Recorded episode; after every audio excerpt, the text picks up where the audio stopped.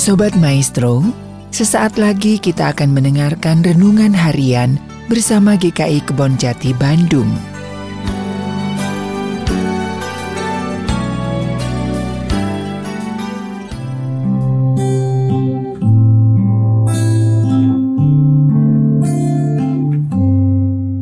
Bapak, Ibu, dan saudara terkasih dalam nama Tuhan Yesus Kristus, senang bisa berjumpa lagi dalam program Renungan Harian GKI Kebon Jati.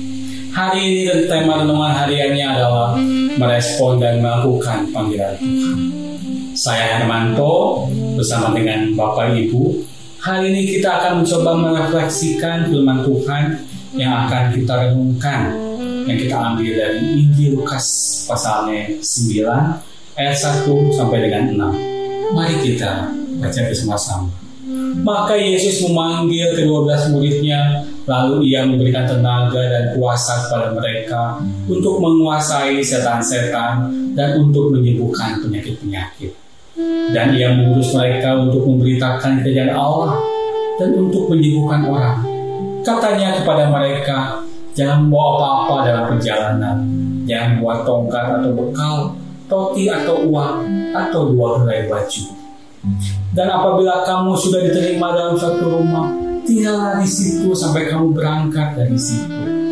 Dan kalau ada orang yang tidak mau menerima kamu, keluarlah dari kota mereka dan tebaskanlah debunya dari kakimu sebagai peringatan terhadap mereka. Lalu pergilah mereka dan mereka mengelilingi segala desa sambil memberitakan Injil dan menyembuhkan orang sakit di segala tempat.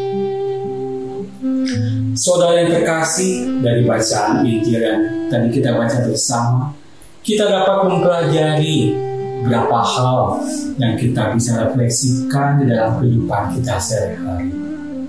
Yaitu yang pertama, perikop ini menceritakan bagaimana Tuhan Yesus mengutus kedua belas muridnya itu untuk pergi mewartakan kerajaan Allah dan juga sekaligus menyembuhkan orang-orang yang sakit konsep kerajaan Allah juga bisa kita tafsirkan tentang bagaimana kita menghadirkan damai sejahtera dan kasih yang daripada Allah ke dalam dunia ini. Dan di sini juga kita harus fokus terhadap tujuan yang diberikan Tuhan pada kita.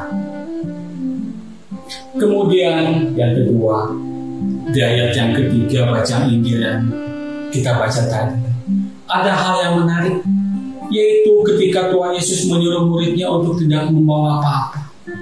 Apakah artinya para murid pergi tanpa persiapan? Tentu tidak, melainkan Tuhan Yesus mengajak mereka untuk mau merendah dan berbau dengan kota dan tempat di mana mereka berada. Seringkali juga kita merasa kita tidak punya apa-apa untuk melayani dan alasan ini yang sering dipakai oleh mereka yang tidak mau menerima panggilan melayani. Banyak alasan yang disampaikan di dalam merespon panggilan melayani itu. Misalnya, ah saya tidak punya apa-apa, saya tidak punya waktu, saya sibuk, saya bekerja dari pagi sampai malam. Atau yang berbicara, saya tidak bisa atau saya tidak mempunyai keahlian atau saya tidak punya kemampuan. Tetapi justru ayat ini menegaskan pada kita memang kita tidak harus punya segala hal.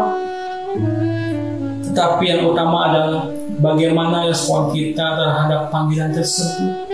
Mau atau tidak.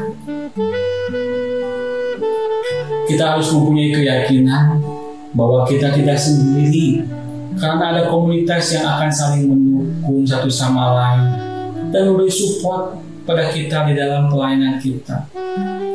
Komunitas itu bisa berasal dari keluarga kita, sahabat kita, teman-teman kita, ataupun lingkungan yang ada di sekitar gereja kita.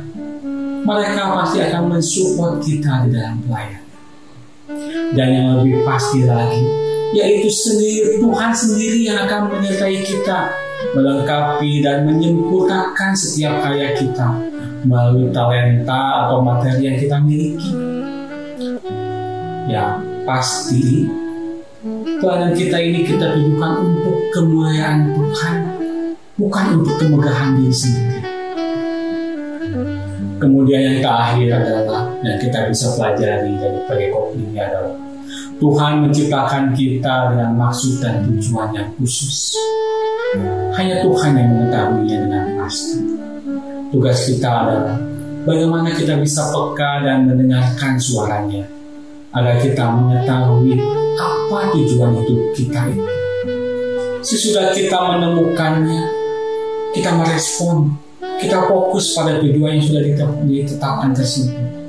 Dan ingat, fokus kita adalah memberitakan Injil Tuhan, mengasihi sama kita.